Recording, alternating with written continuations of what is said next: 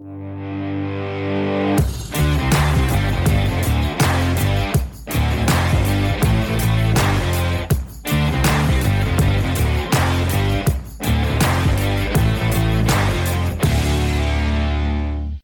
ליאור, מה נשמע? בסדר, אלכס, אנחנו בדרך כלל אומרים long time no see וזה, אבל דווקא לא, לפני שבועיים נדמה לי העלינו פרק, הפעם אנחנו קרובים. נכון, נכון. הפעם אמרנו, נצא, אתה יודע, נעשה משהו קצת uh, שונה, ואולי נקליט סוף סוף פרק כמו שצריך, בלי חופשות, סוף סוף... אה, כן, וגם יותר נושאים מקצועיים, כאילו, פעם שעברה דיברנו המון על הוואי, אז uh, יש הרבה אנשים שזה מעניין אותם, אולי חלק מהאנשים זה פחות מעניין אותם, הפעם באמת נדבר על אירועים, אבל גם נעבור על כמה נושאים מקצועיים, חלקם רלוונטיים ממש לתקופה של הסתיו, וקיצר, יהיה פרק מעניין. בדיוק, ולפני שנתחיל, אני חייב אה, לתקן פה איזה פדיחה. אתה יודע, כתבו לי גם על זה. אמרתי פעם שעברה, נכון, זה הפרק 40 אמרנו, ואמרתי שהפודקאסט קיים שלוש שנים, אז האמת שהוא קיים כבר ארבע. וואלה. אז אה, כן, אנחנו עושים את זה כבר אה, ארבע שנים. תודה למי שתיקן, תודה לכל האנשים שעוקבים. ו... ארבע שנים, וואי. ארבע שנים, ארבע שנים. והפרק הקודם הוא הפרק הכי מוצלח מבחינת צפיות, האזנות, איך שתקרא לזה. אז תודה לכל האנשים באמת שמעבירים את הפודקאסט, מ, אתה יודע, מחבר לחבר, ותמשיכו באמת uh, לשתף. כמו שאתם יודעים, הפודקאסט uh, בערך קיים בכל פלטפורמת פודקאסטים אפשרית, גם קיים באתר, למי שלא רוצה להיכנס לכל הפלטפורמות, אפשר פשוט לנגן אותו באתר. אז uh, באמת, תמשיכו לשתף, זה יעזור לנו מאוד. מעולה. אחלה. טוב, אז עכשיו בואו נתחיל כמו תמיד, בואו נדבר קצת על האירועים שהיו. כן, האירועים שהיו בשבועות האחרונים. האמת שבשבוע האחרון לי יצא להשתתף גם בשניים מהאירועים שהיו, אה, אבל בואו נתחיל אולי מטריאטלון אשדוד, שהיה לפני כמה ימים, ממש mm-hmm. ביום שישי האחרון לדעתי, שאני חושב שזה נחשב אליפות הארץ באולימפי. הבנתי שגם היה מזג אוויר tricky, כי ירד גשם. היה שם מלחמה, מלחמה היה שם. כן, כן, המטרה הייתה לא להחליק. אה, שמע, זה מעניין, אתה יודע, אני מאמין שהמארגנים היו בדילמה, גם איגוד הטריאטלון, גם ניר שהפיק את התחרות. זה תמיד דילמה, הרופא, אתה יודע, להפסיק את התחרות, לא להפסיק את התחרות. גם, אתה יודע, אנחנו גם מדברים הרבה בזמן האחרון על כל ההחלטות של המארגנים, אתה יודע שאנחנו דווקא אומרים שהם מאוד אה, קלים על ההדק של ההפסקה. כן. אז הפעם אה, באמת היה משהו שונה. כן, כן, תשמע, גשם ראשון זה תמיד tricky. אני זוכר לפני כמה שנים התחרנו בטריאטלון עכו, אה, זיכרונו לברכה, מה שנקרא, וגם היה בסתיו, היה גשם ראשון, ותשמע, זה היה פשוט כל... היו כיכרות והיו גם פרסות, ואתה פשוט אה, נוסע עשרה קמ"ש כדי לא להחליק, ומלחמה. אז, אה, אבל הבנתי שהייתה תחרות מאוד מוצלחת. אה, צריך להגיד שאיגוד הטריאטלון קצת בבלאגן, mm-hmm. ולהבנתי, אה, החבר'ה, המאמנים מאיגוד הטריאטלון, כל המאמנים של הקבוצות נוער, ילדים וכדומה, ככה לקחו את היוזמה ודחפו את האירוע הזה, אני חושב שבמיוחד כפתורי, ובעצם דאגו שהאירוע הזה יקרה, וצריך להגיד, אה, אתה יודע, באמת כל הכבוד להם. שמע, אנחנו גם טריאטלטים, אבל אנחנו שנינו יותר במרחקים ארוכים ופחות כאילו קשורים לאיגוד הטריאטלון וכדומה, אבל uh, המצב הוא לא משהו. כן, לא, לא משהו, באמת, כמו שאמרת, ב- בלשון המעטה. אה, אתה יודע, כעובדה, גם מספר המשתתפים שם, אני חושב, אתה יודע, בסוף, בסופו של דבר זה אליפות ישראל, כן? כן. אה, אז אתה יכול להגיד שיכול להיות שהרבה אנשים עברו למרחקים היותר ארוכים, כי זה יותר אין בשנים האחרונות, הרבה אנשים רשומים לטבריה, גם, אתה יודע, אתה רשום לטבריה, אתה גם מחליק פה, זה גם יכול להיות לא נעים, אבל מראש לא, לא ידעו את זה, נכון? שאנשים נרשמו. כן. Uh, ועדיין נשמע שהאיגוד לא, לא במצב טוב, הרבה אנשים... אה, בוא נשאל אותך ככה, אנחנו חברי איגוד? האמת שאני במקרה השנה כן. אה, באמת? אחרי, נראה לי, איזה עשר שנים שאני לא. וואלה. אוקיי? אבל uh, uh, אתה יודע, זה באמת, תראה, האמת זה מגמה שקורית בכל העולם. בכל העולם, היום טריאטלטים, עזוב רגע את ישראל, עושים ספרינט כדי להיכנס לענף, להבין מה זה טריאטלון וזה. ואז די מהר עוברים לחצי. הענף, נגיד, האולימפי, הטריאטלון האולימפי כמעט לא קיים היום אבל, בעולם. אבל לא יודע, אני דווקא לא, לא, יודע, לא, לא יודע כמה אני מסכים לזה, כי דווקא הרבה בזמן האחרון ישר עוברים לאיש ברזל. עזוב את זה, זה דיון אחר, לא נצא ממנו עכשיו, בוא נדחה אותו okay. אוקיי. לפעם אחרת, אבל כאילו הסצנת הטריאטלון, שפעם הייתה, היא, אני רואה בעולם, אתה יודע, באירופה, באוסטרליה, באמריקה, היא כבר כמעט לא קיימת, אתה מבין? כאילו, כן, נכון, אלא יש נכון. באמת, אנשים עושים איזה... טריאטלון כניסה כזה להבין מה זה, אולי שניים, שלושה כאלה, ואז די מהר עוברים ל-70.3, שזה הסבב הכי פופולרי בעולם, by far, כאילו. אחרי זה גם עוברים לאיש ברזל, אבל...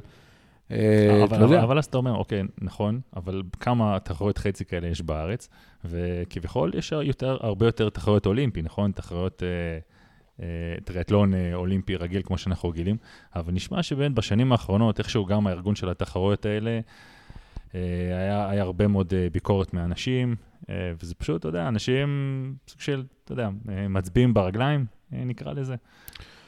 כן, ועוד פעם, הטריאטלטים המאסטרס כאילו פחות מתחברים כבר לתחרויות האלה, וגם צריך לזכור, לפעמים העלויות הן גבוהות, כלומר, אתה יודע... כן, כי גם ככל שאנשים הדירו את רגליהם מהתחרויות, גם, גם נותני החסויות לא כל כך ששים אה, גם אה, לשתף פעולה, אה, המחירים של התחרויות עולות, עולים.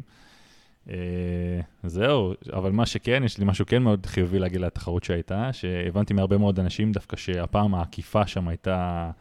טובה. כל השיפוט. באמת, השיפוט היה מצוין.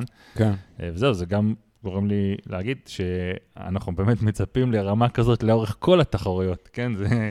לגמרי. אה, בסופו של דבר זה מה שחשוב, באמת לשמור לרמה הזאת, ואני כן מאמין שהם שומעים את הביקורת, כן? אמנם האיגוד עכשיו במצב לא טוב, אבל אני מאמין שגם הם שומעים אולי את הפודקאסט, שומעים, אתה יודע, כולם מדברים על זה. והנה, אתה רואה ש, שרוצים, כן אפשר לעשות את זה כנראה כמו שצריך, אז אני באמת מקווה שהרמה הזאת uh, תישמר גם לפעמים הבאות. נשמח לראות את זה. Uh, אני מסכים איתך, בכלל הבנתי שהתחרות הייתה טובה, שכאילו ההפקה כן, הייתה כן, טובה, כן, ושהתחרות כן, הייתה כן, יחסית. טובה, שמעתי, uh, אתה יודע, מכמה אנשים, uh, פידבקים טובים על התחרות, וזה נחמד, ו... אני חושב שהיינו הולכים להשתתף, אה, אבל פשוט זה קצת מתחיל להיות קרוב לטבריה, וכל סוף שבוע עכשיו זה... כן, אני חושב שהתזמון של התחרות הזאת היה באמת פחות מוצלח, אבל גם שמעתי דברים מעולים אה, על התחרות מהרבה מאוד אנשים, גם מהרבה אנשים שהתרסקו, אה, כולם פרגנו לתחרות. באמת, היה תזמון. כן, כן. כן. אז זה, זה באמת uh, התחרות שהייתה שם. היה, uh, יצא להשתתף uh, כמה ימים לפני זה, בעצם ביום ראשון uh, שעבר, במסחה תנינים, שבעצם נדחה, הוא היה אמור להיות ביום שישי יומיים קודם. אה, זה מסחה בעצם ליד קיבוץ מעגן מיכאל, באחד החופים הכי יפים בארץ, אולי הכי יפה בארץ. אולי זה המסחה הכי יפה בארץ, גם הרבה פעמים הים שם שקט בגלל האיים. אה, אני מאוד אוהב את המסחה הזה. אני לא הולך הרבה למסחים, אבל אם אני הולך למסחה, זה, זה, זה המסחה הזה. איזה מקצה עשית? אני השתתפתי בשלושה קילומטר, יצא קצת קצר לפי הגרמינים של כולם. אה, היה משהו כמו 2,700, 2,800. וואלה. כן, אבל אתה יודע, לפעמים באמת בים המצופים נסחפים טיפה וזה. אבל היה מאורגן טוב, אתה יודע, גם מקצועית, כאילו ההפקה, הדר עשתה את ה, ממש את ההפקה של המסחה עצמו, וגם מבחינת המעטפת היה מאוד נחמד. אה, שוונג ארגנו את המסחה בליגה של המסחים, כאילו, שלהם. ואתה יודע, אני, אני מסתכל על זה רגע מזווית המשתמש, מה שנקרא, המשתתף. וואלה, אין, אתה יודע, הגעתי, לקחתי את הערכה תוך שתי דקות, אה, הזינוקים היו פחות או יותר בזמן, היה תדריך, כאילו היה, אתה יודע, לא, לא היו פלטות ולא היו, עוד פעם, זה כבר לא מובן מאליו, אבל... כן, אה, לצערנו, אבל בסך הכל היה אירוע נעים וזורם. באת, לקחת את הערכה, זינקת, סיימת, הלכת הביתה בערך. משהו כזה, כן, אתה יודע, אז זה היה, באמת היה אירוע כיפי. היה אירוע, גם היה מזג אוויר באמת נחמד, ויופי של אירוע. אה, מבחינתי, וגם מבחינת האנשים שאני מכיר ודיברתי איתם. אז אה, זה, זה מסחט הנינים, היה שם גם מקצים יותר קצרים, היה 1,500 והיה ארבעה וחצי קילומטר. בעצם היה, יכולת לעשות הקפה אחת, שתי הקפות או שלוש הקפות. אני עשיתי כאילו את השתי הקפות. אני לא בכזה כושר שחייה מי יודע מה, אבל גם שחיתי סבבה, הרגשתי טוב במים יחסית והכול. זה גם עניין אותי מאוד, אתה יודע, אני, מי שמקשיב לפודקאסט, הרי שבועיים לפני זה הייתי באליפות העולם באקסטרה, וחטפתי סוג של אה, היפותרמיה, היפרוונטילציה בשחייה. Mm-hmm. ואז הגעתי למשחה הזה, ואתה יודע, עוד פעם זינוק למים כאילו, ואתה יודע, לתחרות והכול. נכון ששחיתי בין לבין בבריכה, אבל אמרתי, בואנה, מעניין מה יקרה, כאילו. סקרן אותי לראות אם זה עכשיו תופעה חדשה, או שזה סתם משהו ש... באמת קשור למים הקרים שהיו במולבנו. תקשיב, זינקתי למים בתנינים, זינקתי חזק, הרגשתי סבבה, הכל היה טוב.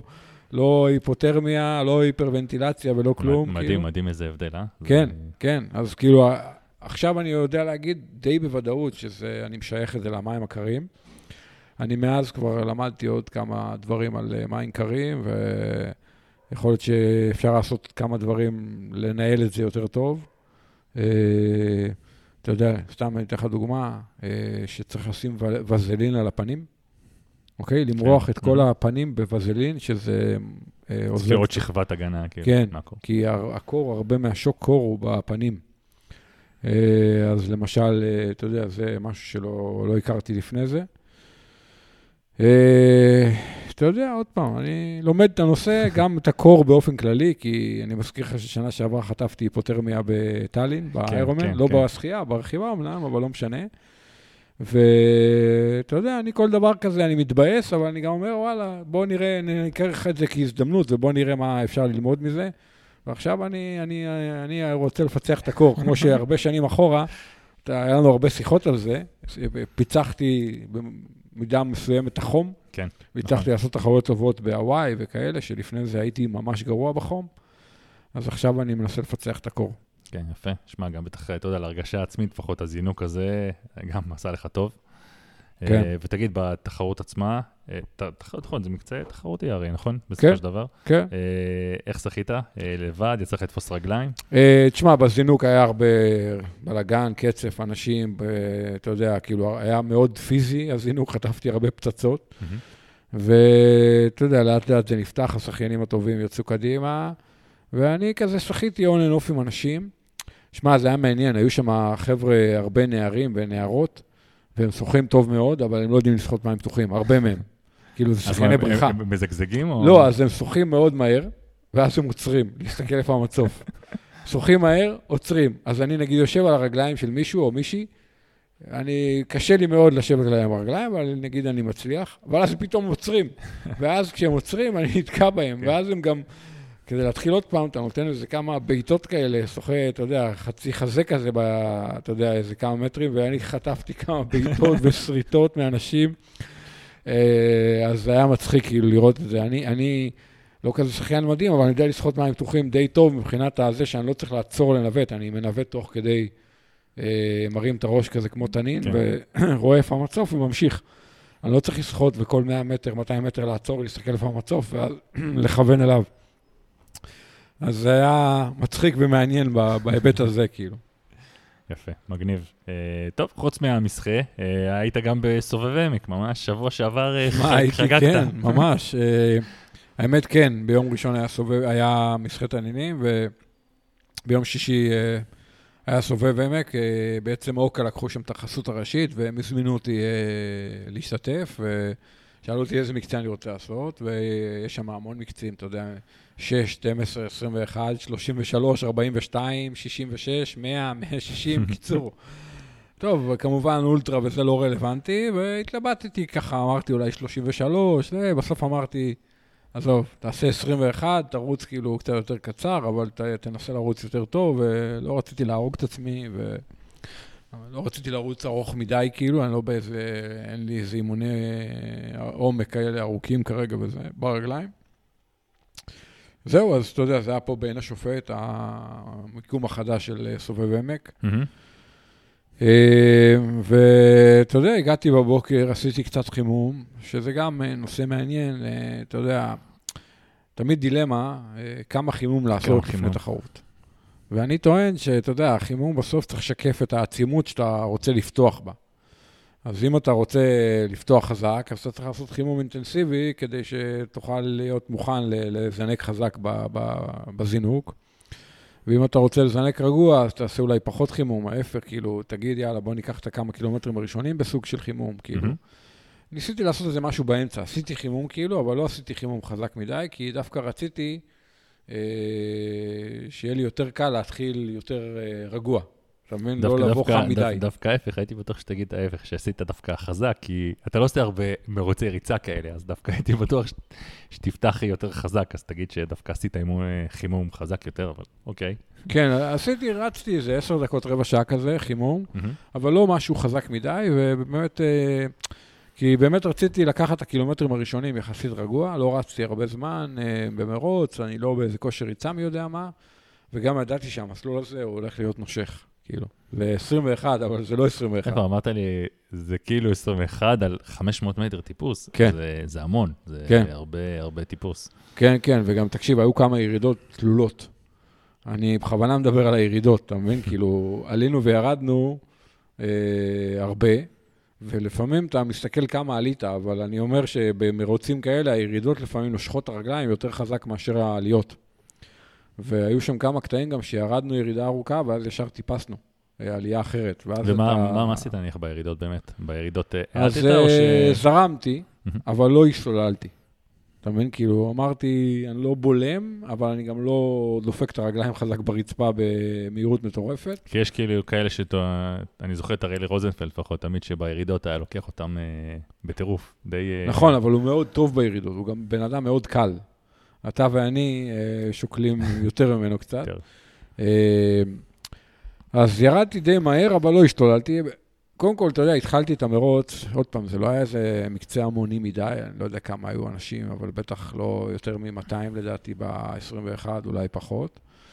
אה, ועמדתי די מקדימה על הקו זינוק, ולא היה כזה צפוף מקדימה, הרבה אנשים הלכו לעמוד מאחורה דווקא, ואתה יודע שזה כבר מצביע על משהו. אה, היו כמה חבר'ה שעמדו מקדימה, חבר'ה חזקים, חלקם יותר צעירים, והתחלנו את המרוץ, ותוך אה, כמה דקות ראיתי שכמה חבר'ה יצאו קדימה. הסתכלתי, זה היה פחות או יותר שישה, שבעה חבר'ה שיצאו קדימה. אה, חלקם ראיתי די מהר ששניים, שלושה שפשוט טסו קדימה, ואמרתי, אוקיי, זה רצים ממש טובים כנראה. אה, והתחלתי רגוע. התחלתי רגוע מכל הבחינות, רגע, אבל... לפני זה אה, רק תגיד לי, רצת לפני זה על מסלול? הכרת את המסלול? לא. אוקיי, כזה- לא, אה, תראה, אני מכיר את האזור די טוב מהאופני ערים, אבל לא ידעתי את המסלול, אבל הבנתי שהסתכלתי פחות או יותר על הגרפים וזה, ראיתי שיש הרבה עליות ארוכות, ירידות ארוכות, שהולך להיות מאתגר ושצריך סבלנות, אתה יודע, זה צריך להיות סבלני, במיוחד במרוץ כזה. אה, אפילו שזה כולה 21, אמרתי, צריך להיות סבלני. והתחלתי ממש רגוע, כאילו אמרתי, שליש ראשון, אני רץ בתחושה נוחה, לא משתולל, לא בדופק, לא, לא, כאילו, הקצב הוא לא רלוונטי, וגם ואטים לא כל כך, כי אתה באמת יורד הרבה ירידות תלולות וזה, אז בעיקר לפי תחושה. אה, באמת רצתי רגוע. אה, באיזשהו שלב אה, עקפתי איזה שלושה חבר'ה שהיו לפניי, כאילו כל פעם מישהו מהם. אבל עוד פעם, לא ניסיתי לעקוף, אנשים פשוט דעכו, אני, זה לא שאני הגברתי או משהו. אה, אחרי איזה עשרה קילומטר בערך, הגענו לאיזו עלייה מאוד ארוכה, ופתאום ראיתי את הגב של אה, עוד בן אדם שהיה לפניי, שאותו אני דווקא, אני מכיר, אה, שגב אה, אלפלבאום, שהוא רץ מעולה. הוא בן 52, אבל הוא רץ טוב, הוא, אתה יודע, אני, אני מכיר אותו מעל 20 שנה, היינו מתחילים פעם באופני ערים בכלל ביחד. אה, והוא רץ שטח, רץ טכני, אתה יודע, הוא מתחרה הרבה בכל העולם. זהו, ואז אה, סגרתי עליו לאט-לאט, ואמרתי, יאללה, נרוץ ביחד. אמרתי לו, יאללה, סגל, בוא נרוץ ביחד, כאילו, וזה, אתה יודע, דיברנו קצת והכל. ואז אה, רצנו באמת קצת ביחד, והוא התעכב קצת באיזו תחנת תזונה, ואני לא רציתי להתעכב, אז, אז המשכתי, כאילו. בסוף, בקילומטרים האחרונים הרגשתי סבבה. אני לא יכול להגיד שהגברתי בקצב, או כי, כי באמת לא, כל קילומטר נורא שונה. אתה יודע, בסוף אתה מסתכל, קילומטר אחד קצב 6, קילומטר אחד קצב 4, קילומטר אחד קצב 5. כן, במסלול כזה, באמת... השונות יש, היא אדירה, כן. אבל בתחושה שלי, כאילו, אה, הרגשתי טוב בקילומטרים האחרונים, ואם הייתי צריך, נגיד, הייתי יכול להילחם עם מישהו על מיקום, או לא היה לי מי להילחם, היה, לא היה אף אחד לא מאחוריי, לא, לא מלפניי. אה, זהו, סיימתי, ואז אה, כשסיימתי גם ראיתי שאני שלישי, כאילו, כללי, והמשמעות הייתה להתייבש איזה שעתיים, לחכות לטקס. עכשיו אתה אצן. אז יצא, עוד פעם, הרמה שם לא הייתה מאוד גבוהה, עוד פעם, החבר'ה שהגיעו ראשונים הגיעו די הרבה לפניי, והם כן. רצו מאוד מאוד יפה. אה, אבל אתה יודע, היה נחמד כאילו, אתה יודע, גם באמת אה, 20 דקות מהבית, 25 דקות כן, מהבית, כן. זה היה נחמד, ווואלה, נהניתי, היה אירוע באמת נחמד. אה, עוד מילה על האירוע, אפרופו זה שאנחנו נותנים פידבקים קצת למארגני אירועים, ויש לנו הרבה ביקורת הרבה פעמים, אז uh, צריך להגיד, היה שם, במקצה 42, היה שם איזה ברבור אה, של לא מעט חבר'ה. אה, וואלה. כן, והם רצו בטעות אה, 34, חלקם. או, כאילו, אחרי שמונה קילומטר, כנראה חלקם פנו למקום אחד וחלקם פנו למקום אחר, ואז חלק, חלק הגיעו לסוף וראו ראו שחסר להם שמונה קילומטר. אז ראיתי היום הודעה של, אה, של גולדפיש המארגנים, שהם הם מבינים שהייתה שם טעות ויהיו שני פודיומים, וגם כל מי שרץ למקצה הזה יקבל אה, הזמנה לבוא הרשמה בחינם לשנה הבאה. יפה שזה מאוד. מאוד יפה. יפה מאוד. אני, מאוד. אני יכול להגיד לך שאני מדבר הרבה עם מארגני אירועים על הלקיחת אחריות. כאילו, עשית משהו, לא יצא לך מי יודע מה, סבבה, תבוא, תגיד, חבר'ה, טעינו פה, טעינו שם, למדנו, תודה רבה, וגם תן לאנשים פיצוי. כאילו. כן, שמע, בסופו של דבר מדברים, אה, מאקטים כאלה, בסוף הם יקבלו הרבה יותר לקוחות לדעתי. זה יבואו הרבה יותר אנשים. בטוח אנשים שקיבלו את הפיצוי יחזרו ויבואו עוד אחרי זה, ואתה יודע, כשאני שומע את זה, אני אומר, וואלה, כאילו, זה יפה. כן, כן. הייתי רוצה להשתתף, ב- לתמוך במישהו כזה. אני מסכים איתך. אתה יודע, זה לא צריך לקרות, אבל אם זה קורה, א', לוקחים אחריות, וב', מפצים את האנשים. זה לא מספיק לקחת אחריות. כן, מארגן כן. אירוע, הוא בסוף נותן שירות, אתה יודע, זה כמו שעכשיו אה, שולחים לך איזה מכשיר הביתה והוא מקולקל. סבבה, שולחים לך חדש. אוקיי, אבל יכול להיות שעכשיו אתה רצית את המכשיר הזה בזמן מסוים, ועכשיו חיכית עוד חודש שיגיע החדש. אני, אני מסכים איתך מאוד, וזה גם מאוד מתקשר לדברים שאמרנו פה לגבי זה שאתה יודע, אנשים משלמים פה הרבה כסף על אירועים, ולפעמים כשדברים, האירוע לא בדיוק הולך כמתוכנן, אז אף פעם אין פיצוי ואין שום באמת, אה, שום דבר, וזה משאיר את האנשים מיואשים, אז אה, שמע, זה יפה מאוד. כן, כן, אה, ממש. כאילו, אני אגיד, אני, אני אגיד כבר שזה לא מובן מאליו, למרות שבאיזשהו מקום הייתי מצפה שזה כן יהיה, אבל אה, אני שמח לשמוע את זה. כן, כן, אז, אז זה רק לסגור את הסיפור באמת של, של סובב עמק. יפה, ועכשיו, ועכשיו האמת, אני חושב שאולי האירוע האחרון שנדבר עליו, זה אירוע שקרה אתמול. פשוט יש שם אנקדוטה מעניינת, אחרת אולי לא היינו מדברים עליו, היה אתמול איירומן אה, קליפורניה. כן, אה, אתה זוכר, האירוע שלפני שנה, אה, יאן פורדינו גם היה אמור להשתתף בו, ואז הוא בוטל בגלל איזו סופה מטורפת. מה זה בוטל? בבוקר התחרות הוא בוטל. בבוקר התחרות, כן. גם הישראלים שנסעו מהארץ, ואז פשוט חזרו. כן, אז אתמול זה התקיים, וגם בוא נגיד שהתחזית שם הייתה, בוא נגיד, מראש, כאילו אם אתה מסתכל על האירוע עצמו, זה נראה אחד המסלולים הכי מהירים שיש, זה גם שחייה עם הזרם, אבל אחרי שאתה זוכה עם הזרם, יש שם החלפה, אתה יודע, אנחנו מכירים תחרויות עם החלפות uh, ארוכות, אז תקשיב, היה שם החלפה, שבוא נגיד שהכי מהיר בקבוצות גיל, עשה אותה ב-12 דקות. וואו. יש שם איזו ריצה של כמעט קילומטר, מעל כן. קילומטר בהחלפה, שבאמת, אני לא מכיר הרבה כאלה תחרויות. אה, אה, אני יכול להגיד לך שהתחרות עם ההחלפות הכי ארוכות, אה, קודם כל בהמבורג יש החלפה ארוכה, אוקיי? אחד שיודע, מה שנקרא. רץ שם באיזה רחוב כזה די הרבה. וההחלפה הכי ארוכה לדעתי בסבב של איירומן היא בווילס. נכון. אתה נכון, עולה שם איזה נכון. עלייה, הרי מותר להפקיד שם את עלייה, הנעליים נכון, וזה, נכון, ו- נכון, כן. נכון, נכון, אבל... אבל אה, בקליפורניה הם שברו את השיא. אה, שברו את השיא, וגם אה, באופניים אה, היה רוחות של 40 קמ"ש, אז די רכבת שם חצי רכיבה מול הקיר, ואז כשהם הסתובבו, אה, היה שם מהירויות מטורפות. אה, אבל גם כל התחרות הזאת, אם אתה מסתכל שם על התוואי מסלול, נראה שהם איכשהו גם בנו שם איזשהו מסלול כזה רק בשביל איכשהו לעשות את המרחק. אה, ובוא נגיד, התוצאות שם רחוקות להיות ממשהו שהיית מצפה, כאילו מראש שהיית שומע את זה, היית אומר, אוקיי, זה המסלול איירון הכי מהיר שיש, כן. אבל פתאום כשאתה מכניסים לך את כל התנאים, אתה יודע, תמיד כל תחרות איירמן, אה, צריך לתת לה את הכבוד שלה. אז אה, גם פה זה עוד אה, דוגמה לזה שהכל יכול לקרות אה, ביום של התחרות. לגמרי, אני הסתכלתי על התוצאות וראיתי אנשים שם שחקו באמת 40 וקצת דקות, 42 כאילו. 42 דקות. כן, ברכיבה הזמנים היו בסופו של דבר די, די נורמליים, כי, נראה לי. כי זה מאוד התאזן עם הרוח גב לדעתי. כן, אנשים שטסו בחזור באיזה 55 קמ"ש, או משהו כזה. ובריצה אה, גם, היה- בסוף הזמנים היו נראים לי די נורמליים. הסתכלתי על הקבוצת גיל שלי נגיד, בסוף זה היה כזה, אתה יודע, תשע ומשהו כזה, די, די דומה לאיירומן נגיד באירופה כזה, בסוף, כאילו, התכנס לזמנים שהם די... התכנס לזמנים של איירומן רגיל, לא כן. של משהו סופר מהיר כמו, ש... לא, לא, לא, ממש לא. כמו שציפו שיהיה. לא, לא, לא מהיר. אה, כן, לגמרי. היה...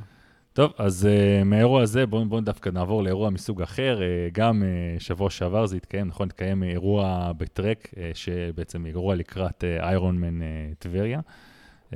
אז היה שם כמה מאמנים בעצם שהתארחו באירוע, אז בואו תספר קצת על האירוע. כן, זה גם משהו שהייתי חלק ממנו, אירוע שהוא לא תחרות, דווקא אירוע ערב מקצועי כזה, פאנל מקצועי. Uh, הרעיון היה בעצם, uh, uh, אתה יודע, לתת לאנשים, אתה יודע, זוויות שונות של uh, מאמנים uh, שונים על נושאים מקצועיים. ובעצם עשינו סוג של פאנל, בעצם זה היה בטרק, טרק ארגנו את זה, יזמו את זה והכול, הם גם הם חלק מהצוות של האיירומן, הם בעצם כל התמיכה הטכנית של התחרות. ניב ליבנר הנחה את האירוע הזה. אה, ניב שהיה עד לא מזמן אה, מאמן נבחרת ישראל באופני כביש לנשים. אה, וישבנו בפאנל ארז חיון ושוקי סרויה ואריאל אלר ואני, ובעצם היה רשימת נושאים מקצועיים, וכל אחד נתן שתי דקות על כל נושא, ובסוף היו שאלות, וככה התקדמנו מנושא לנושא. האמת, אני חושב שאנשים יצאו עם הרבה ידע.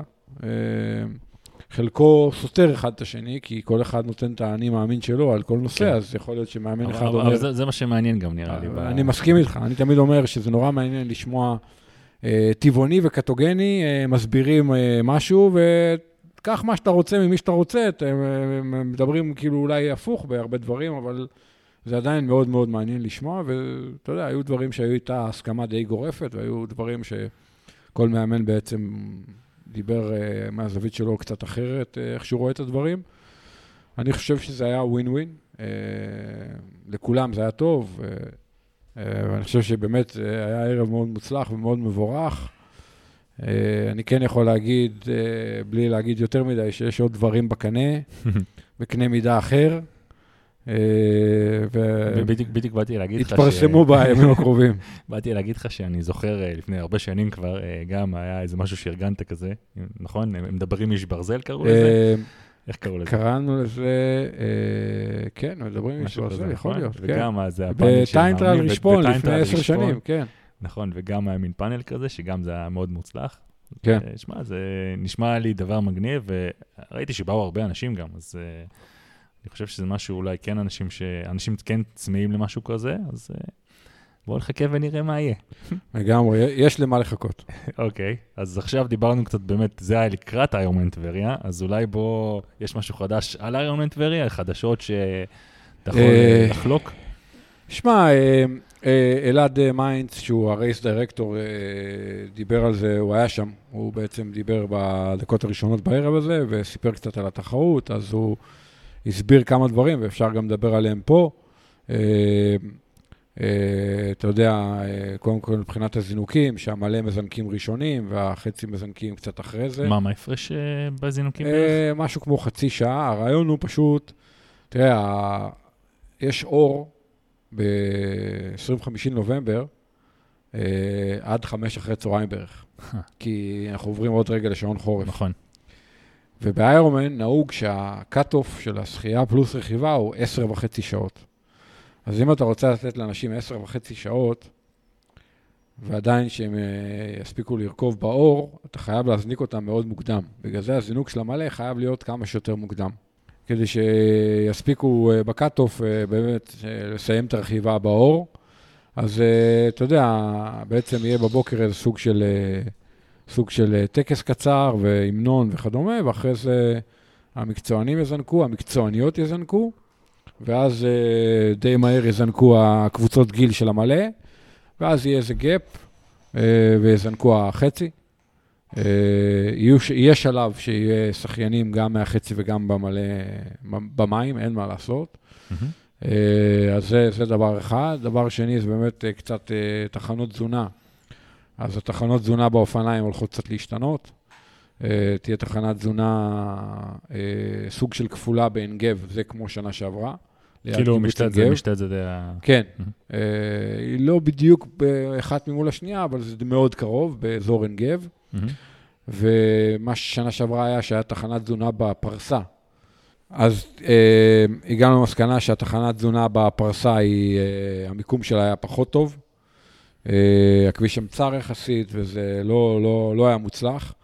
אז uh, בעצם העברנו את התחנת תזונה לצומת יהודיה, שמשופצת כרגע והולכת להשתנות, והחלטנו שתהיה שם תחנת תזונה כפולה בעצם.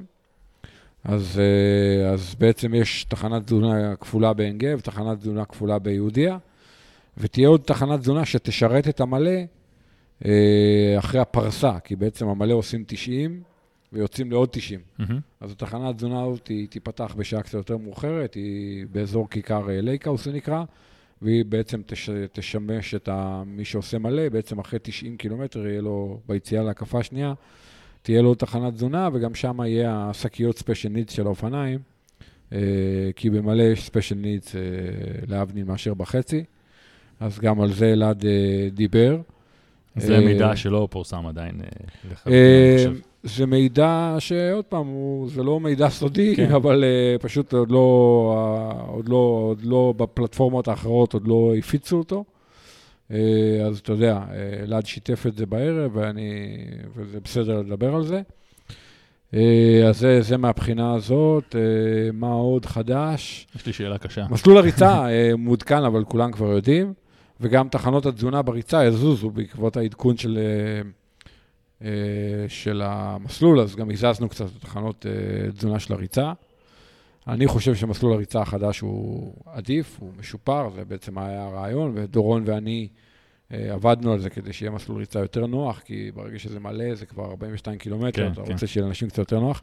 במגבלות של טבריה, אין מה לעשות, כאילו, יש מגבלות, היינו בעולם מושלם, הייתי רוצה שירוצו מסלול אפילו יותר נוח, או אה, אפילו לעשות שתי, שתי הקפות או שלוש של 14 במקום ארבע של אה, 10, אבל אין מה לעשות, יש מגבלות של המקום, אתה לא יכול אה, לעשות משהו שאי אפשר. כן. ואפרופו מגבלות מקום, זה מביא אותי לשאלה הקשה. נו, נו, תרים, תרים, אני מוכן.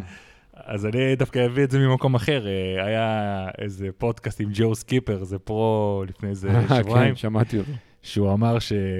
קודם כל, גם נגיד, נגיד כמה מילים על המקצוענים שיגיעו לטבריה אולי, אבל... אה, אז הוא אמר בפודקאסט שהוא בעצם לא הולך להגיע לטבריה, כי הולך להיות אה, מלא drafting שלא הולכים לעקוף. הוא חושש. שזה יהיה, שיהיה שם הרבה drafting, מהמם. אבל אתה יודע לאן הוא נוסע במקום זה. לאן הוא נוסע? למקום שיש המון drafting, ל Ironman אריזונה. על אריזונה? כן, וואלה. שזה מסלול מאוד מישורי נכון. אה, ומאוד מהיר יחסית, והאמת שאני לא יודע להגיד בוודאות כמה כן, הרי גם. אתה יודע, שהוא אומר דבר כזה, אתה לא באמת, אה, גם, גם אנחנו רואים שהשיפוט אה, מאוד משתנה בין מדינה למדינה, בין מקום למקום, אז יש לך, יש איזה תובנות לגבי השיפוט הפעם. קודם כל מגיע פול לסטר, השופט האנגלי, שהיה אחראי על השיפוט גם שנה שעברה. הוא בעצם מנהל את כל נושא השיפוט, אכיפה וחוקים וכדומה, הוא גם מודד את הטמפרטורה של המים. הוא... ויחד איתו יעבדו הצוות של השופטים הישראלים מאיגוד הטריאטלון, במגבלות כמות השופטים שיש לאיגוד הטריאטלון, שאתה יודע, אה, במיוחד עכשיו עם קצת בלאגנים שיש באיגוד והכול, כרגע מי שמנהל את זה זה אורי צלח, אה, מול, אה, מול מארגני התחרות פה בארץ. ואתה יודע, אני מאמין שכולם יעשו את המיטב, בדיוק הייתה לי שיחה על זה עם אלעד, שהוא המנהל התחרות אתמול, אני רוצה להיות והדגש אני- הדגש הוא השיפוט באופניים, בוא, הדגש כן, זה כן. ה- כל נושא הדרפטינג והכל. אני רוצה להיות מינימום הוואי. תראה, אני תמיד אומר, אנחנו מדברים על זה הרבה, ובואו לא ניכנס לדרפטינג עוד פעם, כי אנחנו מתחילים כן, קצת כן, לעייף. כן, כן. אבל בגדול, אתה יודע, אני תמיד אומר, יש הפרדה בין drafting בגלל עומס, או בגלל שלא שמת לב והתקרבת, לבין drafting מכוון, שאתה יושב על הגלגל ומקווה שלא יתפסו אותך. אתה מבין מה אני מתכוון? כן. כאילו, זה, זה ההבדל בעיניי, אתה יודע. זה... שמעתי בוא עכשיו, בוא- יש... בוא נגיד ששופט יכול לראות כוונה בדרך כלל. לא תמיד, לפעמים הוא רואה במצב נתון, אבל עכשיו שמעתי שהחבר'ה פיתחו שיטה חדשה. יש Garmin Varia, הרי יש לי גם כזה. אה, ב Varia, שמגיע רכב מאחורה, וואו. אז אתה, יש לך חיווי ב Garmin. עכשיו, כששופט בא עם אופנוע, וואו, וואו, וואו. אז אתה יכול אה, לא שיצפצף לך בזה, אז אנשים רוכבים עם ה Varia בשביל לעשות drafting, ואז אם בא שופט, אז הם מתרחקים אחורה. וואו. טוב, כן. זה... The next level נקרא לזה. כן, אתה יודע, כבר שמעתי אנשים שרוכבים מראה. אוקיי? יש את המראות כידון נכון, האלה. נכון. כן, אז, אז עכשיו אנשים, אה, שמעתי, פיתחו שיטה חדשה עם הוואריה. טוב, טוב. בסדר. אין, אתה יודע, זה כמו בפשע. אתה יודע, הגנבים תמיד יהיו צעד אחד לפני. ה... לפני השוטרים, וכשאתה מפתח מנעול שאף אחד לא יכול לפרוץ, ה- לוקח לא הרבה זמן, הפורצים מוצאים שיטה לפרוץ אותו. בדיוק. טוב, בסדר, אה, דברים יותר חיוביים. אז רק המקצוענים, אה, באמת שמעתי שכן יגיעו פעם מקצוענים מחו"ל. אה, אנחנו, הקורונה קצת יותר מאחורינו. אז שמות שאתה יכול להגיד כבר שאולי יתחרו כאילו? אני לא רוצה עצמה? להגיד שמות. אני, אני כן יודע שמות, אבל אני לא רוצה להגיד, כי גם זה לא יתפרסם, וגם מקצוענים, כשהם נרשמים לתחרות, זו שיטה קצת אחרת. הם קודם כל נרשמים, אחר כך הם מחליטים אם הם באים או לא. אז בואו נראה שהם באמת, השמות שאני יודע, הם באמת מגיעים. מגיעים לא מעט מקצוענים, חלקם באמת זה שמות שאתה ואני מעולם לא שמענו עליהם, אבל חלקם זה שמות מאוד מאוד מאוד מכובדים. אם באמת הם יגיעו, וואו, זה יהיה מאוד יפה מבחינת הפרסטיג' ומבחינת החשיפה של התחרות. הלאה, הלוואי. שמע, מגניב. אז uh, צפויות לנו עוד הפתעות, אתה אומר. כן. אוקיי, uh, טוב, uh, זה היה טבריה. Uh, אולי גם עדכון ישראמן, כי uh, היה שמועות בזמן האחרון שאנשים לא היו בטוחים שהישראמן יתקיים, אבל הישראמן יתקיים. הישראמן מתקיים, הייתה לי שיחה ארוכה עם חגי אשלגי בנושא. Uh, אתה יודע, גם ברור שאחרי טבריה יהיה להם עלייה בכמות הנרשמים, הם סגרו חסויות. שמע, עוד פעם, אני כל הזמן אומר, אני רוצה שהישראמן יתקיים, אני רוצה שיהיו שתי תחרויות אה, ברזל אה, ארוכות פה בארץ. אולי הן צריכות להתרחק טיפה אחת מהשנייה מבחינת העיתוי, אבל קונספטואלית זה שתי תחרויות מאוד מאוד שונות מהרבה בחינות, ואתה יודע. והיינו כן. רוצים לראות את שתי התחרויות אה, מתקיימות כאן בארץ, ממשיכות להתקיים לפחות. חד זה... משמעית, זה טוב לכולם. זה טוב לספורטאים, זה טוב למארגנים, זה טוב לענף, זה טוב ל... לכל החנויות, חד משמעית. אחלה, מעולה. Uh, עוד פעם, אני רק רוצה להזכיר, תפסיקו לשלוח לנו הודעות אם יש חליפות בטבריה או לא. אנחנו לא יודעים. לא, אף אחד לא יודע, אף אחד לא יודע. יכול להיות שידעו כמה ימים לפני. אם הטמפרטורה, נגיד, תהיה בוודאות, נגיד סתם, נגיד שיהיה 23, שלושה ימים לפני התחרות, ומזג אוויר קריר, אז כנראה שזה לא יעלה מעל 24 וחצי. כן. או אם יהיה 26 מעלות המים, יומיים לפני התחרות, כנראה שזה לא ירד ל-24 וחצי. אבל זה כנראה יהיה כן. גבולי כמו שנה שעברה, אולי, אולי נדע לפני זה, כי זה שבועיים, התחרות שבועיים יותר מאוחר. אפשר ללכת אה, ולשמוע את הפודקאסט אה, של השנה שעברה. לגמרי. כמה שדיברנו על זה. כן, לשפוך כמה דלי קרח אולי לאגם, מי שרוצה חליפות. כן. טוב, אז עכשיו בואו באמת אה, נעבור קצת לדבר על אה, נושאים מקצועיים, אבל לפני זה אני רק אגיד, אה, ליאור, יש פה איזו שמועה שבקרוב אתה פותח איזה ערוץ יוטיוב, גם עם כל מיני דברים מקצועיים שאתה הולך לדבר עליהם. יש שמועה, כן, שמועה נכונה. כן, אתה יודע, אמרתי, נעלה קצת דברים מקצועיים בערוץ יוטיוב נפרד. באמת, אני אנסה להעלות כל מיני נושאים מקצועיים. הפרק הראשון יעלה ממש עכשיו. והוא מדבר על, ה, על למה אנשים מרגישים הרבה פעמים באיזשהו אימון או סימולציה, או לא משנה איך נקרא לזה, כמה שבועות לפני התחרות הם מרגישים מעולה, ואחר כך בתחרות הם מרגישים פחות טוב, והם אומרים, אה, הגעתי לשיא אה, שלושה שבועות מוקדם מדי, או כל מיני דברים כאלה. אה, אז זה הנושא של הסרטון הראשון, של בעצם החלק הראשון שהקלטנו. וצילמנו, וכן, אתה יודע, אני אנסה להעלות גם דברים שהם כלליים, שהם לא בהכרח אה, קשורים לתקופה או לתחרות, אבל גם דברים שהם יותר רלוונטיים, וזה לדעתי רלוונטי, כי אנחנו חודש לפני טבריה. כן, גם הרבה אנשים נראה לי הזדהו עם זה, גם כאלה שמשתתפים בטבריה וגם כאלה שלא, אז... אה... כן, אני גם אני אומר לך, אני שומע את זה המון, אתה יודע, אנשים עושים מחנות אימונים, או עושים כל מיני אימונים ארוכים, או סימולציות, אומרים, בוא'נה, באימון ההוא הרגשתי מעולה, בתחרות הרגשתי פחות טוב. אז אה, נדבר על זה קצת. מגניב, אז uh, תעקבו, בטח אתה תפרסם כבר אצלך בפייסבוק, בכל הפלטפורמות, uh, תעקבו. אחלה, טוב, אז uh, שמע, בימים האחרונים uh, נהיה יותר ויותר נעים. סוף סוף חוזרים מהימים שאני באמת אוהב לצאת בהם החוצה, לרוץ. כן.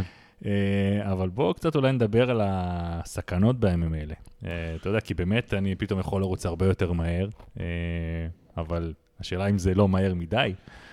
אז אתה יודע, זה תמיד, אני תמיד אומר, בסתיו המאמן הוא גאון. עכשיו, למה הוא גאון? כי התוכנית עובדת. למה היא עובדת? כי המזג האוויר השתפר. אתה יודע, אתה רץ בקיץ, אתה אומר, תשמע, אני לא זז. אני רץ, נגיד, סתם, על, אה, נגיד, אתה אומר, אני לא אעבור זון 2, הקצב הוא נורא איטי, ואתה אומר, בוא'נה, אני לא זז, אני לא משתפר, מה קורה? התוכנית לא עובדת, אני תקוע. ואז מגיע אוקטובר כזה, ופתאום יש לך כמה בקרים נעימים.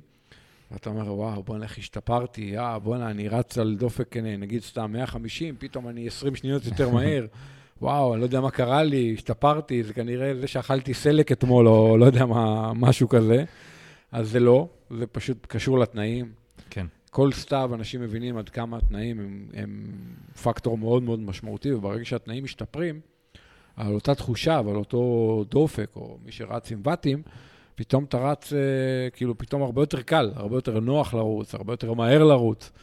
אז אה, אתה יודע, זה פתאום, באמת מבינים עד כמה התנאים בקיץ היו אה, פקטור. ויש לזה המון יתרונות, כי אתה באמת יותר קל לרוץ, יותר נעים לרוץ, ההתאוששות מריצה היא יותר קלה. ויש לזה גם חיסרון אחד, שהוא לפעמים הוא חיסרון די טריקי. וזה שאנשים מתחילים לרוץ יותר מהר. וביומכנית, לא תמיד הגוף בנוי לזה.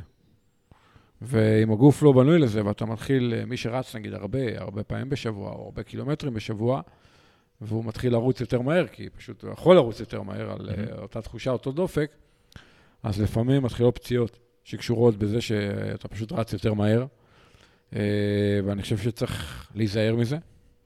אה, אתה יודע, אני לפני כמה שבועות, לפני שבועיים אני חושב, הסעתי את הבת שלי לאיזה אימון בים, והלכתי לרוץ במסלול הבית שלך, על הטיילת בדדו שם בחיפה, ועוד רצתי עם, אה, עם בונדי, שזה כאילו נעליים כאלה מפנקות, יחסית יותר כבדות, לא נעליים בשביל לרוץ מהר בעיקרון. ואני רץ, ואני אומר, בוא'נה, אני, אני, נעים לי, זורם לי, כאילו, ואני על קצב uh, טוב. Uh-huh. ואין, זה פשוט התנאים, אתה מבין? פשוט היה באותו יום בים, היה מזגיר מושלם, היה טיפה גשם וזה, והיה פשוט, היה לי כיף לרוץ, כן, כאילו. אני ו... חושב שאגב, זה מורגש בהכל. אתה יודע, אנחנו מדברים, מדברים פה ספציפית על הריצה, כי זה כאילו הכי מסוכן, אבל כן. אתה יודע, גם אפילו על הטרנר, אתה יודע, בהכל. אני חושב שבכל פעילות שאתה עושה בחוץ, וגם לא בחוץ, גם בבית, כן. זה, זה מורגש הדבר הזה. כן, כן, אז... אז תראה, בטריינר, נגיד בבית, קודם כל גם, אתה יודע, אתה פותח את החלון וזה, פתאום יש כן, אוויר כן, וזה. כן. אבל זה לא כזה מסוכן, זה לא כזה בעייתי, כי גם בטריינר יש לך את הוואטים, אם אתה על הוואטים. בריצה זה פשוט עלול מסוכן. מי שפתאום רץ חמש פעמים בשבוע, במקום לרוץ, אה, נגיד ברגיל הוא היה רץ על קצב X, פתאום הוא רץ עכשיו על X פחות 20 שניות, אה, הרבה קילומטרים, וואלה, ביום מכנית לא בטוח שהגוף אה, בנוי לזה, ערוך לזה, ואז צריך להיזהר מפציעות. אז מה, מה אתה אומר, כאילו, לעשות את זה? אני אומר, גם כאילו... כשאתה מרגיש טוב ומזג אוויר טוב והתנאים טובים, אולד בק. זה קשה, אבל זה קשה. Uh, לפחות בחלק מהריצות. אולד יור הוסס, כאילו, ותרוץ יותר לאט. אם אתה אמור לרוץ קל, אז תרוץ קל, ואל תרוץ מהר ותגיד אחרי זה לעצמך או למאמן או ווטאבר, לא, אבל היה לי קל, הייתי כן, בדופק נמוך, והרגשתי טוב, וזה, לא, אבל קל זה גם לא, לא מהר, כאילו. כן. Uh, אז אתה יודע, כאילו, צריך להיזהר מזה. וגם, אתה יודע, ברגע שהטמפרטורה יורדת, צריך להיזהר טיפה מדלקות וזה, אנחנו עוד לא שם, כי לא באמת עדיין קר, אבל אתה יודע, לפעמים לשים עוד משהו על הרגליים, לחמם טיפה, אה, אתה יודע, טייצים, עניינים, אנחנו באמת רק, רק באוקטובר, אנחנו עוד לא ממש בקור, אבל צריך גם להיזהר מזה, כאילו. אבל בעיקר הקצבים, כאילו. צריך ליהנות מזה שהגוף קל לו וזורם לו, והקצבים עולים באופן טבעי, ויחד עם זה, זה טריקי וצריך להיזהר מזה.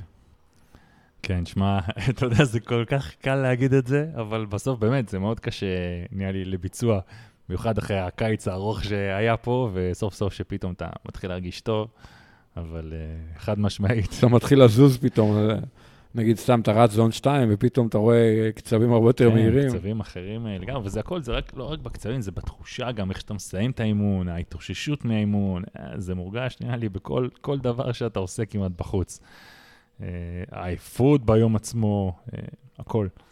אני מסכים, אה, מסכים איתך. אז כן. כן. טוב, אז דיברתי באמת על כמה קשה ליישם דברים מסוימים, באמת, אתה יודע, לעצמנו לפעמים. אז, וגם פה אנחנו מדברים הרבה פעמים בפודקאסט על אולי פרופורציות וכמה אתה נניח מחויב לספורט, ולפעמים, אתה יודע, אתה רואה אנשים שנכנסים uh, חזק מדי, נקרא לזה תחביב, uh, ומוכנים לעשות הכל בשביל זה. Mm-hmm. Uh, ממש אפשר להגיד, כמו, אפשר להגיד באובססיביות. כן.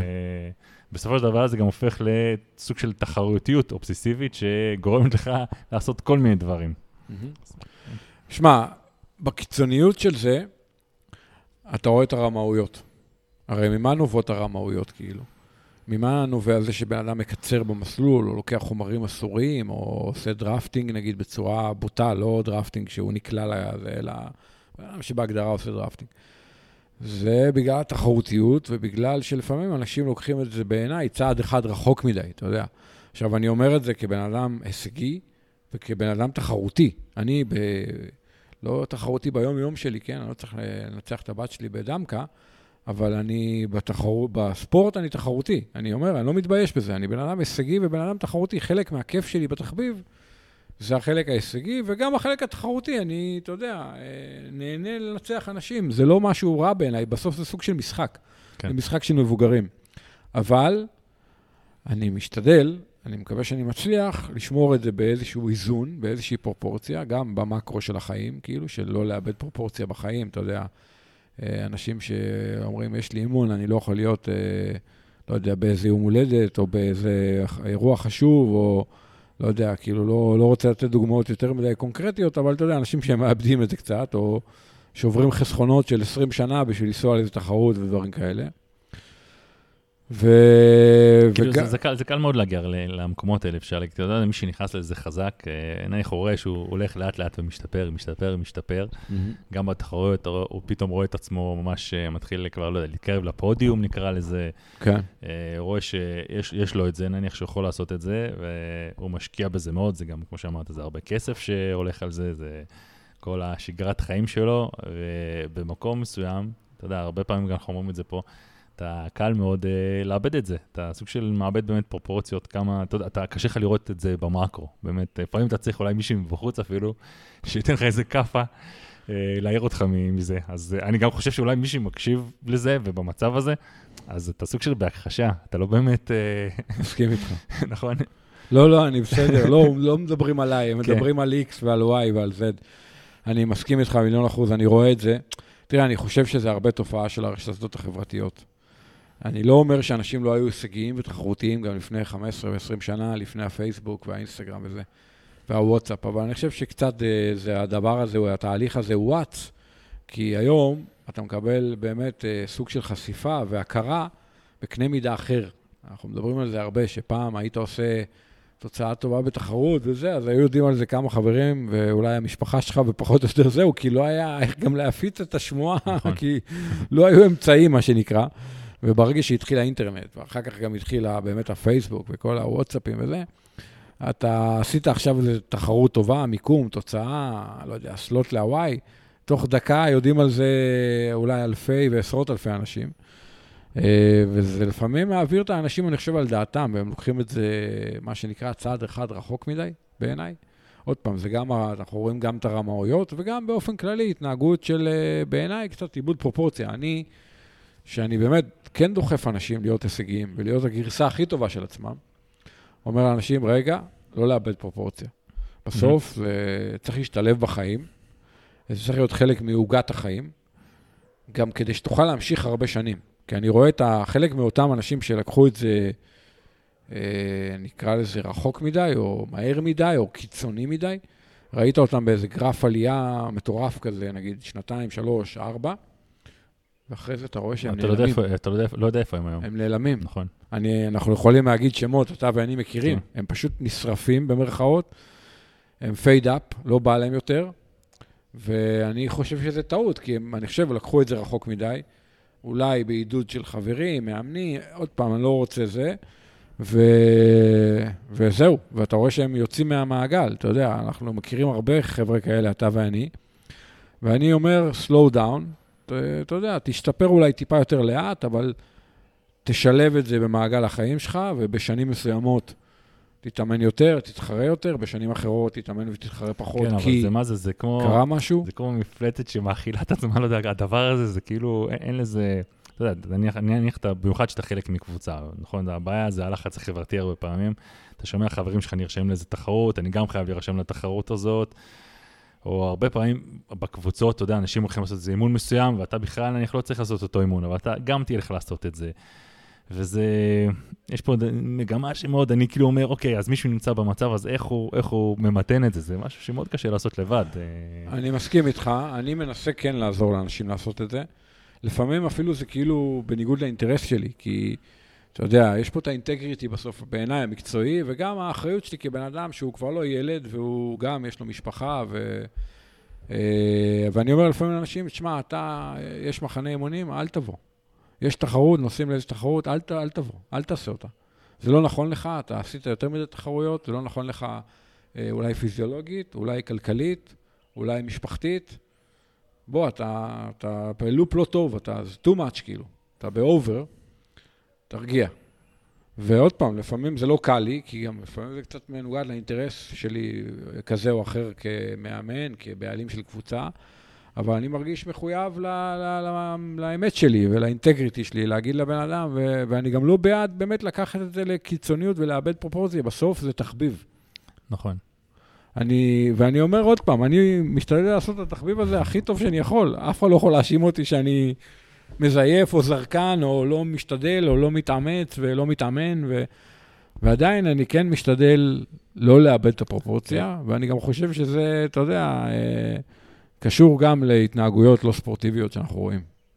כן, וזה כמו שאתה אומר, באמת, אני אולי, לא יודע אם אני יכול לספור על יד אחת באמת את מספר האנשים שהכרנו, והיו ככה מאוד חזק, ב, מאוד חזק בזה, ועדיין כן. ממשיכים אה, לעשות את זה. ספציפית, אולי אנחנו מדברים עכשיו על טריאטלון, אבל אני חושב שזה נכון גם לענפי ספורט אה, אחרים. אה, אבל אה, גם אני חושב שיש לך משהו שאתה כל כך תחרותי לגביו, ואתה כל כך אה, מתמקד בו, ואולי אה, זורק את כל שאר הדברים לצד. אה, ופתאום כשאתה לא מצליח בדבר האחד הזה בסוף, כן. אז אני מרגיש שזה כאילו כל העולם אה, מתמוטט לך. וזה משהו שממש יכול אה, לגמור בן אדם, ואתה יודע, זה מה שישר בטוח מוציא אותך מהספורט, אבל זה גם יכול לגרום לדיכאון והרבה דברים אחרים, אני מניח. אז זה עוד, עוד סיבה למה לנסות למתן את עצמך. ב... אני מסכים איתך, אני, אני מסכים איתך. אני חושב שהבעיה שהרבה פעמים המודלים, האנשים שאנשים מסתכלים uh, עליהם, או look up to him, זה האנשים המאוד מאוד קיצוניים ואובססיביים, ואז, אתה יודע, הם הופכים להיות המודל, ואז אנשים מנסים להיות כמוהם, ומי שלא כמוהם מרגיש לא נוח עם עצמו, ואני לא בעד הדבר הזה. עוד פעם אני אומר, אתה יודע, זה כמו שאני הרבה פעמים אומר לאנשים, תתאמן פעם ביום, כי זה משהו שהוא sustainable, אתה תוכל להחזיק את זה לאורך שנים, אה, כמה עשורים. אם תתחיל להתאמן פעמיים ביום, לא בטוח שזה ריאלי לחיות ככה כל החיים, ומתישהו, או במשפחה או בעבודה, מישהו יימאס לו, ואז בסוף אתה תיפלט גם מהענף, כי אתה גם הופך להיות אדם של הכל או כלום. או שאני מתאמן 20 שעות בשבוע, או שלא בא לי. אני לא מתאמן ואני לא רוצה להתחרות, כי אני לא יכול להיות טוב כמו שהייתי, או... בדיוק. ואני לא בעד הדבר הזה, אני גם תמיד, אמ- אתה ואני מדברים, ואתה צעיר ממני בכמה שנים, ותמיד אמרתי לך, גם בשנים שיש לך ילדים וזה, סבבה, שמור על הגחלת, כאילו, יש לך ילדים קטנים, אתה לא יכול להתאמן הרבה שעות, סבבה, אבל לא משנה, תתאמן כמה שאתה יכול, תעשה שלוש, ארבע, חמש יחידות בשבוע, אחלה. שתוכל, הילדים יגדלו וזה, ותוכל להתאמן יותר, תחזור להתאמן יותר, הכל טוב, אבל כאילו, לא, לא להיות שחור ולבן, לא להפסיק להתאמן, או להתאמן all out, אה, לא יודע, 30 שעות בשבוע. אלא למצוא את האיזונים, ובסוף זה רולינג הילס, אתה מבין? כאילו, יש לך תקופות כאלה ותקופות כאלה, וזה...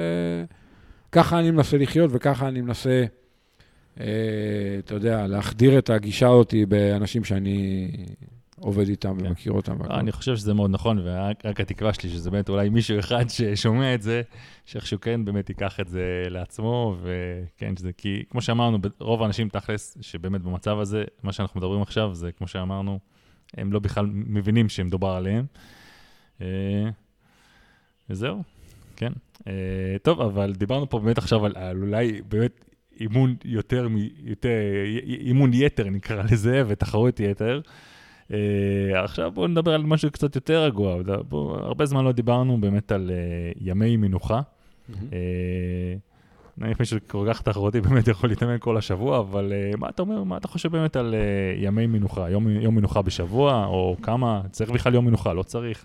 שמע, אני, אני באמת רואה המון סרטונים ביוטיוב של אה, מאמנים וספורטאים, קורא מלא בלוגים, אה, מקשיב לפודקאסטים, באמת, אתה יודע, על כל מיני דברים שקשורים בתזונה, בציוד, בביגוד, בגישות לאימון.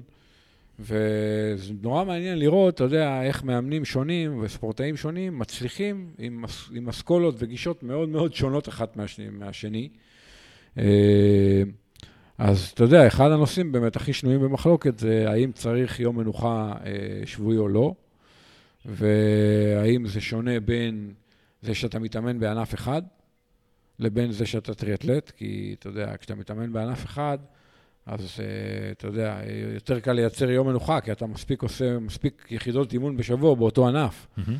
אבל אם אתה טריאטלט ואתה גם עושה יום מנוחה, מתי אתה מספיק לעשות מספיק יחידות בכל אחד משלושת הענפים? נכון. אה, וזה מאוד מאוד מעניין, הנושא הזה הוא בעיניי, עוד פעם, מאוד שנוי במחלוקת. אני גם חושב שצריך להפריד לפעמים בין מקצוענים לבין אה, חובבנים, ואולי אפילו להפריד גם בין קיץ לחורף. אה, וכמובן גם לקראת איזה תקופה, אתה אם אתה לקראת תחרות ארוכה וגדולה או, או לא.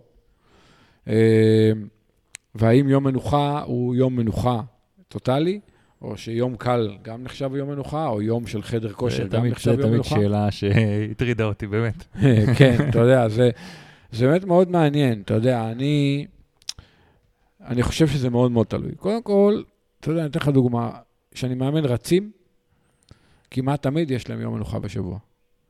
אם מישהו רק רץ, כאילו, כמו שאמרת, יש לו מספיק יחידות במשך יש לו השבוע. גם מספיק יחידות, וגם ריצה זה ספורט עם המון אימפקט, מהמם. ואני חושב שיום אחד לא לרוץ, זה חשוב. אם באותו יום, נגיד, הוא שוחה או רוכב, אפשר לדבר על זה, אם זה יום מנוחה נחשב או לא. אבל בוודאות שלא ירוץ יום אחד, בג- בגדול. כן. כי, כי ריצה, אני רוצה שיום אחד הוא לא ירוץ, כאילו, בשאיפה. אה, רוכבים, גם. אני, כאילו, כשאני מאמן מישהו לתחרות אופניים, אני בדרך כלל נותן לאנשים יום מנוחה, כי עוד פעם, קל יחסית לייצר מספיק יחידות אימון, וגם אני חושב שיש משהו במנוחה המנטלית של יום מנוחה, כאילו. יום מנוחה הרי הוא לא רק פיזיולוגי. הרבה פעמים יום מנוחה, המשמעות היותר גדולה שלו זה שאין לך את הסטרס הזה, שאתה צריך לקום מוקדם, ואתה צריך להספיק, ואתה צריך לחשוב מתי אתה הולך לישון, נכון. ומה אתה אוכל ומה אתה שותה. אני חושב שיום מנוחה, הרבה פעמים, עוד פעם, החשיבות הגדולה שלו היא בכלל לא פיזיולוגית. העובדה שאתה, נגיד, סתם, אני לא יודע, נגיד יום ראשון יש לך יום מנוחה, ואתה בשבת יכול לשבת בערב, לשתות בירה עם חברים וזה, ואתה לא צריך להיות מוטרד, מתי הלכתי לישון, מה שתיתי, מתי אני צריך לקום. גם- גם ביום עצמו, כמו שאמרת, אתה פשוט יותר רגוע. אין לך מה, זה לא מטריד אותך האימון הזה שאתה צריך לעשות, אה, כן. פשוט רגוע. אז, אז אתה יודע, אני חושב שיש לזה גם הרבה משמעות. אה, בטריאטלון זה יותר מורכב. עכשיו, מי שמתאמן נגיד פעמיים ביום, אז יחסית קל לו לייצר יום מנוחה, אם הוא רוצה. אה, פעמיים או יותר ביום, ואתה רואה הרבה מקצוענים שמתאמנים פעמיים או שלוש ביום, ועושים יום מנוחה. כאילו, יש מקצוענים שמקפידים על יום מנוחה שבועי, אבל הם מתאמנים 15, 18 ש... פעמים בשבוע, איך שלא יהיה, אתה מבין? כאילו, ואז הם עושים יום מנוחה, ואז הם אומרים, חייבים יום מנוחה. כן. חייבים יום מנוחה, כי אתה מתאמן 15 יחידות בשבוע, אז אין באמת, אתה יכול לייצר די בקלות יום מנוחה. ולעומת זה אתה רואה מאמנים אחרים ומקצוענים אחרים בטריאטלון, שלא עושים יום מנוחה. עושים ימים יותר קלים, אולי מורידים עומס גם לפעמים מהרגליים. עושים אה, כמה ימים, נכון, עושים כמה ימים חזקים, ואז כאיזה יומיים קלים, יש יש כל מיני כן, זה כבר, אה, אה, עוד כן. פעם, זה גם נושא אחר, ה- אתה יודע, המחזוריות הזאתי. אבל אה, זו שאלה באמת מורכבת. אני בגדול, הגישה שלי אומרת ככה, בהנחה שבן אדם מתאמן פעם ביום, ברוב הימים בשבוע, זה אומר שבהרבה שבועות הוא לא חייב יום מנוחה. אבל מדי כמה שבועות עדיף שיעשה יום מנוחה. עוד פעם, הרבה גם בגלל הקטע המנטלי, רגע יום אחד שאתה לא צריך לחשוב, ואתה יכול לכבות את המוח וללכת לישון ולשתות בירה ומה שאתה רוצה. מהמם. אה, ואז, אתה יודע, פעם בכמה שבועות אני נותן לאנשים יום מנוחה, כאילו, הרבה פעמים זה ביום ראשון, כי זה כאילו הכי הגיוני, כי הרי בדרך כלל שיא העומס הוא שישי-שבת, אבל לא בהכרח יום ראשון. אה, אגב, הרבה פעמים ביום מנוחה הזה אנשים מרגישים הכי גרוע, אה, שזה גם בעיה, אתה יודע.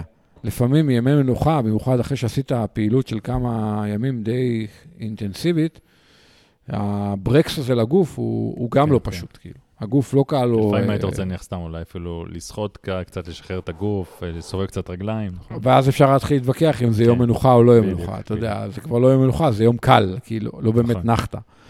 אותו דבר אימון חיזוק, חדר כושר, כאילו. אני אני אישית יותר מאמין באמת בימים קלים כאלה יותר, מהמם. באמת אימון, אה, אימון יותר רגוע אולי ביום הזה, השחייה כן. יותר רגועה, או באמת, או אימון אופניים באמת, אבל קל, כאילו, לא... בדרך כלל אה, ריצה, לא. אני, אני אישית, בגלל שאני בימי ראשון שוחה, יום ראשון זה יום שאני מתאמן אחרי צהריים. אה, הבריכה אצלנו נפתחת אחרי צהריים, אז אני ביום ראשון מסורתית שוחה, שחייה קלה, גם אצלי. ויום ראשון זה יום כאילו שאני בדרך כלל אה, לא מתאמן בבוקר, ופשוט אחרי צהריים הולך, שוחה איזה שעה, יחסית קל, וזה הסוג של יום מנוחה שלי, זה פשוט יום קל של רק שחייה, עוד פעם, לא עצימה, אבל uh, אני הרבה שבועות לא עושה יום מנוחה, כאילו. אלא אני פשוט uh, ביום ראשון רק מתחיל להתאמן אחרי צהריים, ועושה יום קל, וכל שאר הימים אני קם בבוקר מוקדם ומתאמן וכדומה, ואני יכול להריץ ככה... כמה שבועות ברצף uh, בלי בעיה. אני, אני לא מרגיש שאני צריך יום מנוחה לגמרי, mm-hmm. אבל אני יכול להבין את האנשים שכן צריכים.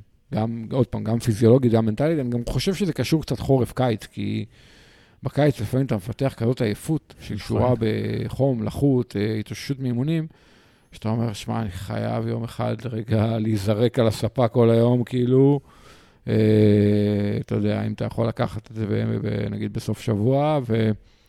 לנוח רגע מכל הלאות הזאת של החום והלחות והכול. בחורף נראה לי, לי אישית יותר קל להתאושש מיום ליום ולהתאמן כמה שבועות רצוף בלי יום מנוחה. אז זה באמת, אה, אתה יודע, זה באמת אה, קשה להגיד משהו חד משמעי, אבל לא צריך לפחד לקחת ימי מנוחה, ובטח ובטח אה, אחרי תחרויות גדולות וחשובות כן, כן. וכדומה, כן. אז אתה יודע, כמה שבועות של פה יום מנוחה, שם יום מנוחה, יומיים מנוחה, אה, אתה יודע, כאילו, אפשר להתווכח עכשיו על, על off season, זה דיון אחר, נעשה אותו בפעם אחרת, אבל, אבל כאילו, אז אני לא, אתה יודע, נגיד, סתם הייתי באיטליה עכשיו אחרי אליפות העולם, אז שלושה ימים אחרי זה אה, טיילנו קצת וזה, פה שם לא התאמנתי. סבבה, אני לא מתרגש מזה, כאילו, אתה יודע, אה, יאללה, כמה ימי מנוחה, או הייתי בקיץ באוסטרליה, בשלושה שבועות אה, רצתי שש פעמים עשרה קילומטר, היה לי המון ימי מנוחה שם. כן, אני חושב שבאמת גם, זה הרבה, אין, פה נכון לא נכון. אה, זה גם הרבה תקופות, גם איפה בן אדם נמצא בחיים, אתה יודע, יכול להיות שיש לו איזה לחץ בעבודה, גם, אתה יודע, יכול להיות שזה גם מצטבר ללחץ המנטלי הזה שדיברת עליו. זה מאוד אישי, אה, אבל כן, אתה יודע, תמיד דיון מעניין, מה, אתה יודע, אני גם חושב שזה מאוד באמת אישי לכל אחד, אתה יודע, כמו שאמרת, יש אנשים שככה, יש אנשים שככה, כל אחד מה שיותר מתאים לו. אה, אבל אה, באמת תמיד תהיה שאלה מעניינת, מה הכי אופטימלי באמת. כן. אה, זהו, אז באמת הדיון על האוף סיזון וזה נעשה אולי בהזדמנות כן. אחרת, אבל יום מנוחה כן או לא, שאלה מעניינת, ויש הרבה אסכולות בנושא הזה, ואין הסכמה חד משמעית. בדיוק. אחלה, טוב, אז נראה לי סיימנו עם הנושאים המקצועיים להיום. אה, טוב, פעם הבאה בטח, אה, אני חושב שעדיין אנחנו נקליט אה, לפני טבריה, נכון? זה עדיין... אנחנו בטח נדבר על סנט ג'ורג', כי יש אליפות העולם בחצי, נכון. בסוף שבוע הקרוב. ואגב, הפעם בוודאות, אנשים, התחרות הרבה יותר מעניינת אותי מאשר בגברים. נכון. תשמע, זה גם אבל כל כך קרוב, אתה יודע, כמו שדיברנו באמת להוואי, ש... טוב, אני מניח שאנחנו נדבר על זה עוד... שישי נשים, שבת גברים, יש גם הרבה ישראלים. שעשו סלוט באליפות, ה... בתחרות שהייתה פה שנה שעברה וחצי בטבריה. Mm-hmm. אז uh, יש המון ישראלים השנה גם בתחרות, ובסנט ג'ורג', איפה שהיה המלא במאי. Uh, נדבר על זה בפרק הבא. כן, טוב, יש למה לחכות. לגמרי. יאללה, ביי.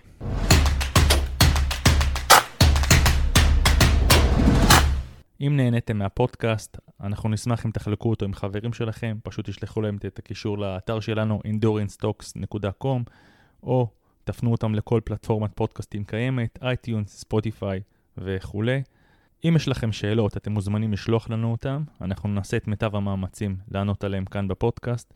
מה שלא נצליח לענות כאן, אנחנו מבטיחים לענות בפרטי. וזהו, עד הפעם הבאה.